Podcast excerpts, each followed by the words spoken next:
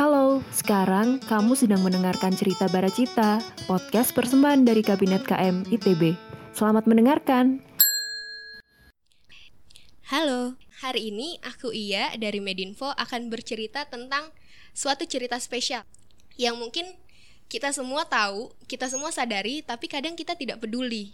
Mungkin teman-teman semua atau mungkin beberapa dari kalian tahu kalau misalnya tanggal 10 Oktober kemarin bukan hari promo GrabFood atau hari di mana Sophie Sophie membuka atau memberikan promo besar-besaran itu juga bukan hari di mana kita bisa dapat Gojek gratis tapi itu adalah hari memperingati kesehatan mental dunia. Kenapa sih hari itu spesial?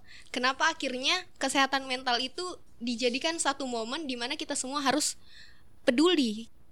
Aku akan membawa teman yang akan bercerita tentang hal itu di sini udah ada Kak Firza. Hai Kak Firza. Hai. uh, mungkin aku akan memperkenalkan Kak Firza ini sebagai salah satu orang yang salah satu pejuang kali ya Kak. Nah, coba Kak Firza. Ya, halo teman-teman. Kenalin, aku Firza dari Kemenkoan Kesejahteraan Mahasiswa atau bisa dikenal dengan nama Kesma. Yeay. Kak, itu tadi aku sempat menjelaskan sedikit kan 10 Oktober kemarin tuh adalah hari kita memperingati kesehatan mental hmm. dunia bener, nah bener. kenapa hmm. akhirnya ada hal seperti itu di dunia ini gitu Oh ya, jadi kenapa sebenarnya jadi ada hari khusus tentang kesehatan mental? Di sini sebenarnya mau ditekankan bahwa kesehatan mental itu penting loh teman-teman. Kesehatan mental itu bukan hal yang bisa kita abaikan, bisa bisa kita lupakan karena bahkan kalau kita ngelihat arti kesehatan menurut WHO hmm. yeah.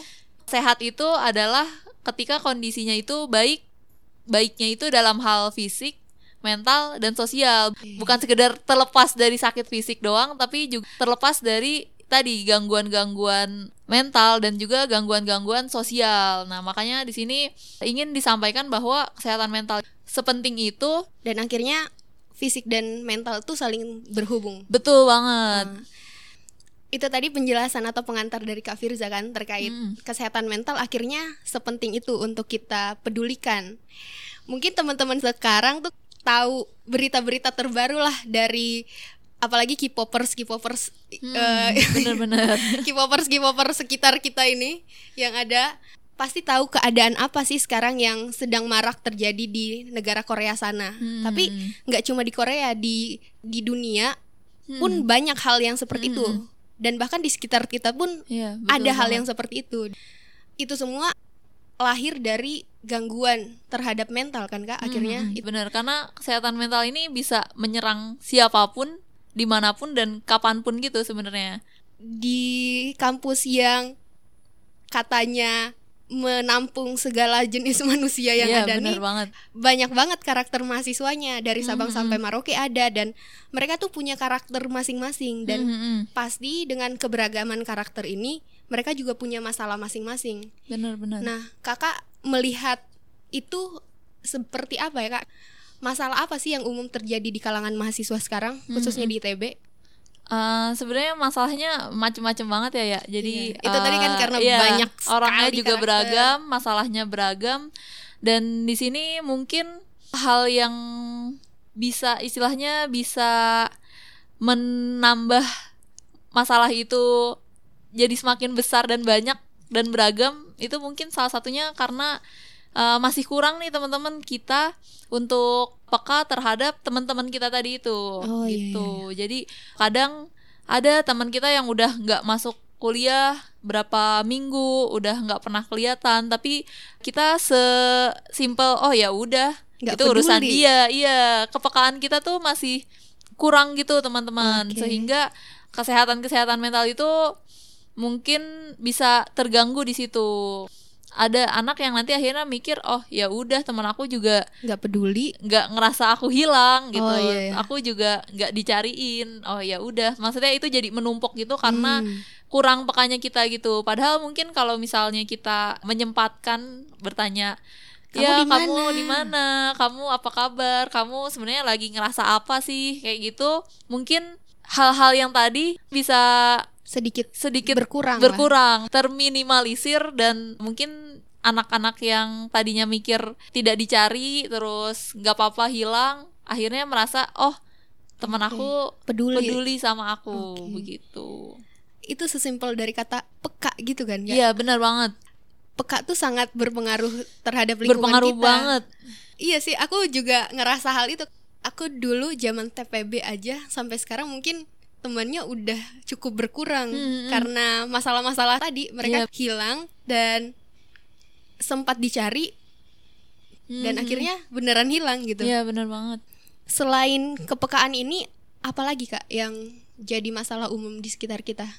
Mungkin kepekaan ini nggak ada artinya ketika kita yang dipekain nggak membuka diri gitu. Nah, itu Jadi, kan, iya benar. Ketika kita udah berusaha mencari, yang kurang adalah orang yang dicari ternyata tidak terbuka. Iya bener banget. Nah di sini tuh sebenarnya aku ingin mengatakan bahwa nggak apa-apa ketika kita emang banyak pikiran tadi misalnya jiwa kita sedang terganggu, istilahnya mental kita sedang terusik gitu, itu nggak apa-apa dan itu wajar. Namanya juga kita manusia, ya mungkin kayak kita sakit fisik juga kita bisa flu, kita bisa batuk, kita bisa demam dan itu bukan sesuatu yang istilahnya apa ya, bukan sesuatu yang tidak mungkin terjadi gitu pada kita. Oke. Jadi itu nggak apa-apa. Kita sakit sebentar itu nggak apa-apa. Kita kurang sehat sebentar itu nggak apa-apa. Asalkan setelah itu kita emang berusaha gitu untuk sembuh. Kita membuka diri untuk ditolong.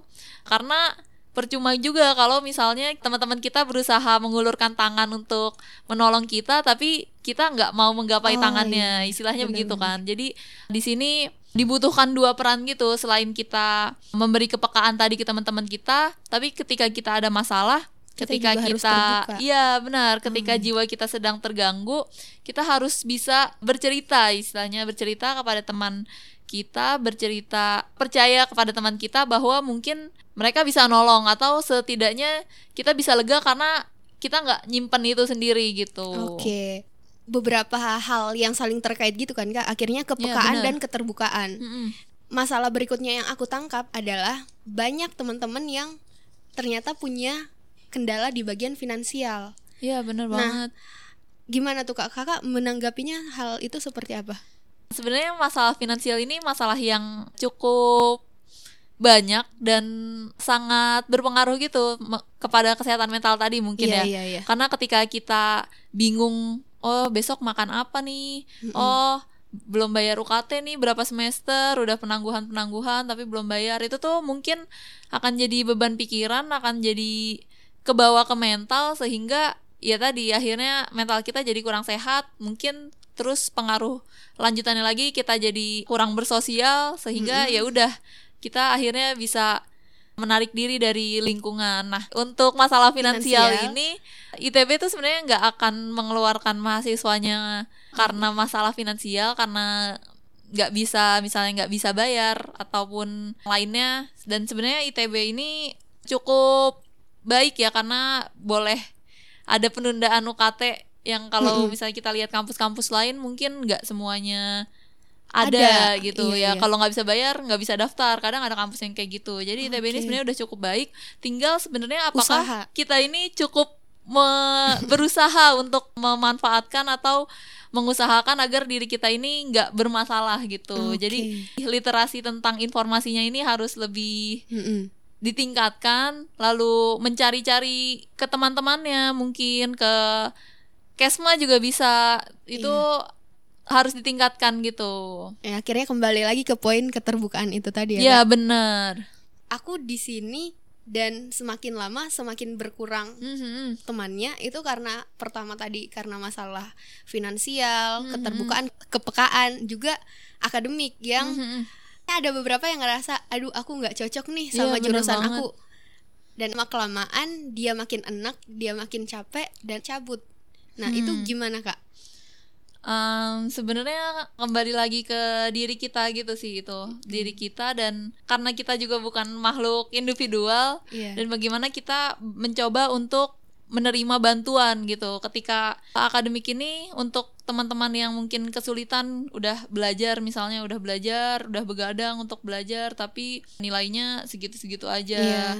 masih ternyata tetap harus ngulang tahun depan. Itu bisa juga minta tolong minta bantuan minta dibantu oleh teman-temannya gitu. Karena ya itu tadi kita adalah manusia makhluk sosial nggak bisa dipungkiri gitu kalau kita nggak akan hidup sendiri. Kita nggak apa-apa kok kalau kita minta tolong teman tuh. Di sini mungkin kayak minta diajarin. Atau kalau misalnya masalah kurang merasa cocok bisa dicari gitu. Sebenarnya cocoknya itu di mana? mungkin akhirnya perasaan nggak cocok itu datang karena kita belum mengenal Ya, jurusan yang kita benar, da- bisa kita juga. masuki. Hmm, mungkin hmm. akhirnya kecocokan itu ada setelah kita menjalani. Hmm, hmm, hmm. oh iya bisa juga. Aku notice ke bagian kakak yang bilang kalau misalnya lingkungan dan teman-teman Mhm. sekitar kan? Apa sih kak pentingnya teman-teman itu? Wah penting banget. Ya udah aku punya teman. Mereka teman aku tapi apa esensi dari berteman itu dari sudut pandang kak Firza? Dari Dalam, dalam. sudut pandang aku ya teman itu istilahnya orang yang bisa merangkul kita gitu. Aku sendiri merasa kadang kita merasa tidak punya teman tapi bisa jadi sebenarnya itu diri kita sendiri juga yang menutup diri untuk punya teman. Oke. itu mungkin satu pertama.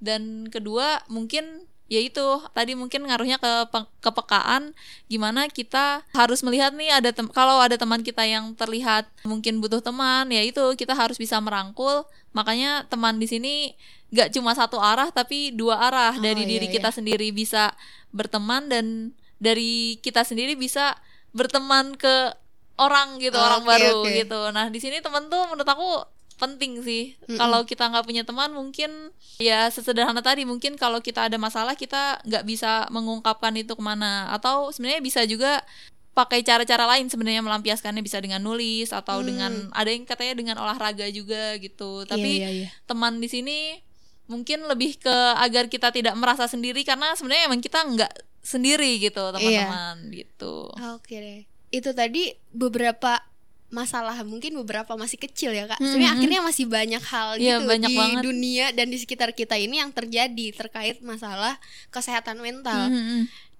Apa sih kak yang bisa kita lakukan sekitar kita ke teman-teman kita?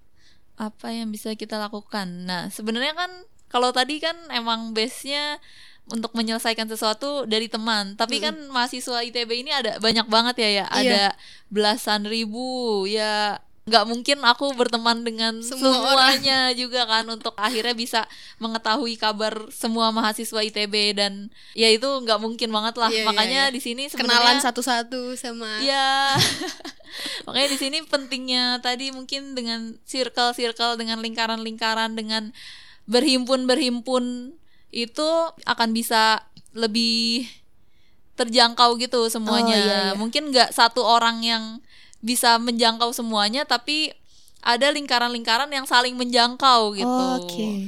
Di sini mungkin contohnya di himpunan mahasiswa jurusan ya. Jadi himpunan mahasiswa jurusan ini menurut aku adalah entitas yang bisa lebih dekat gitu dengan teman-teman jurusannya Hmm, iya, karena iya, iya. kalau dibandingin dengan kesma kabinet mungkin misalnya aku dari teknik sipil aku mungkin nggak akan tahu itu dengan teman-teman iya dari desain Interior. gitu karena jauh banget dari gedungnya pun jauh kuliahnya pun nggak pernah Depan bareng belakang. iya bener jadi teman-teman dari himpunan mahasiswa jurusan inilah yang akhirnya akan istilahnya bisa lebih dekat bisa lebih tahu bisa lebih kenal sama teman-temannya itu Oke. karena sekelas Iya, iya. sekuliah Iya sih benar di tiap himpunan jurusan pun ada kesmanya iya sendiri bener kan. banget Mereka yang mungkin bisa jadi perpanjangan bener tangan. banget bener banget itu emang harapan Iya. teman-teman kesma HMJ ini teman-teman kesma di himpunan emang bisa menjadi perpanjangan tangan yang akhirnya mengetahui kabar teman-temannya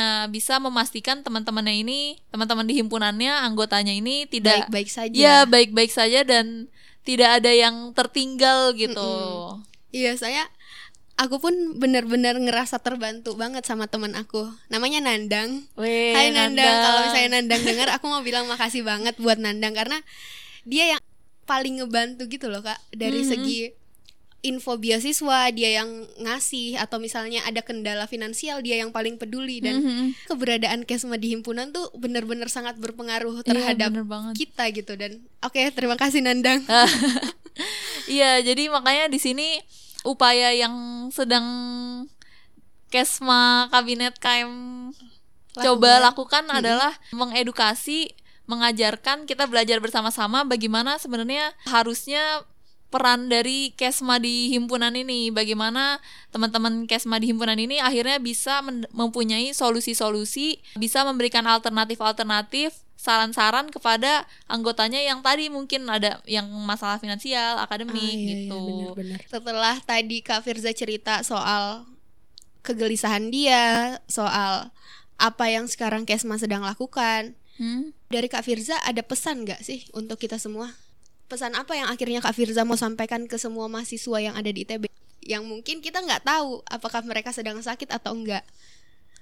pesannya sebenarnya uh, simple sih. Untuk diri kita sendiri, kita tidak boleh lupa kalau ya kita juga manusia, kita juga tadi bisa sakit, kita juga bisa terdistraksi, kita bisa terganggu.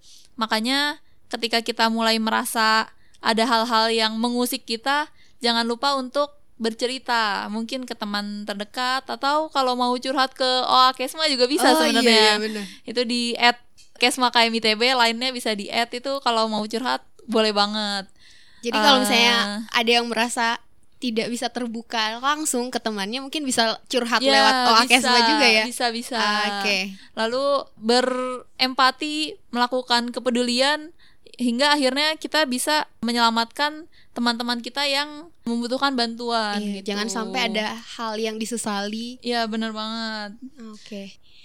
Oke Kak Firza. Nah, mungkin yang akhirnya aku simpulin dari obrolan kita hari ini, cerita-cerita kita, hal yang paling penting kita lakukan adalah peka dan terbuka. Iya bener banget Hal ini berkaitan satu sama lain. Ketika kita peka, kita akan mencoba untuk merich orang dan orang itu pun harus terbuka. Dan jangan takut terbuka karena kita ini adalah makhluk sosial. Hmm. Kita adalah manusia yang terhubung antara satu Iya sama bener lain. banget bener banget Mungkin itu dulu aja cerita-cerita kita hari ini. Terima kasih banyak ya Kak Ya, Firza udah datang dan berbagi cerita. oke terima Semoga aja orang-orang yang dengar mulai peka dan mulai Hmm, terbuka satu sama lain. ya itu. Kayak mungkin nggak semua hari itu buruk dan nggak semua hari itu baik. Jadi kalau ada apa-apa itu wajar. Itu nggak apa-apa. Asalkan tadi kita berusaha untuk eh, menyembuhkan diri itu. Oke, terima kasih banyak Kak Firza. Sampai jumpa di podcast berikut podcast berikutnya. Bye. dadah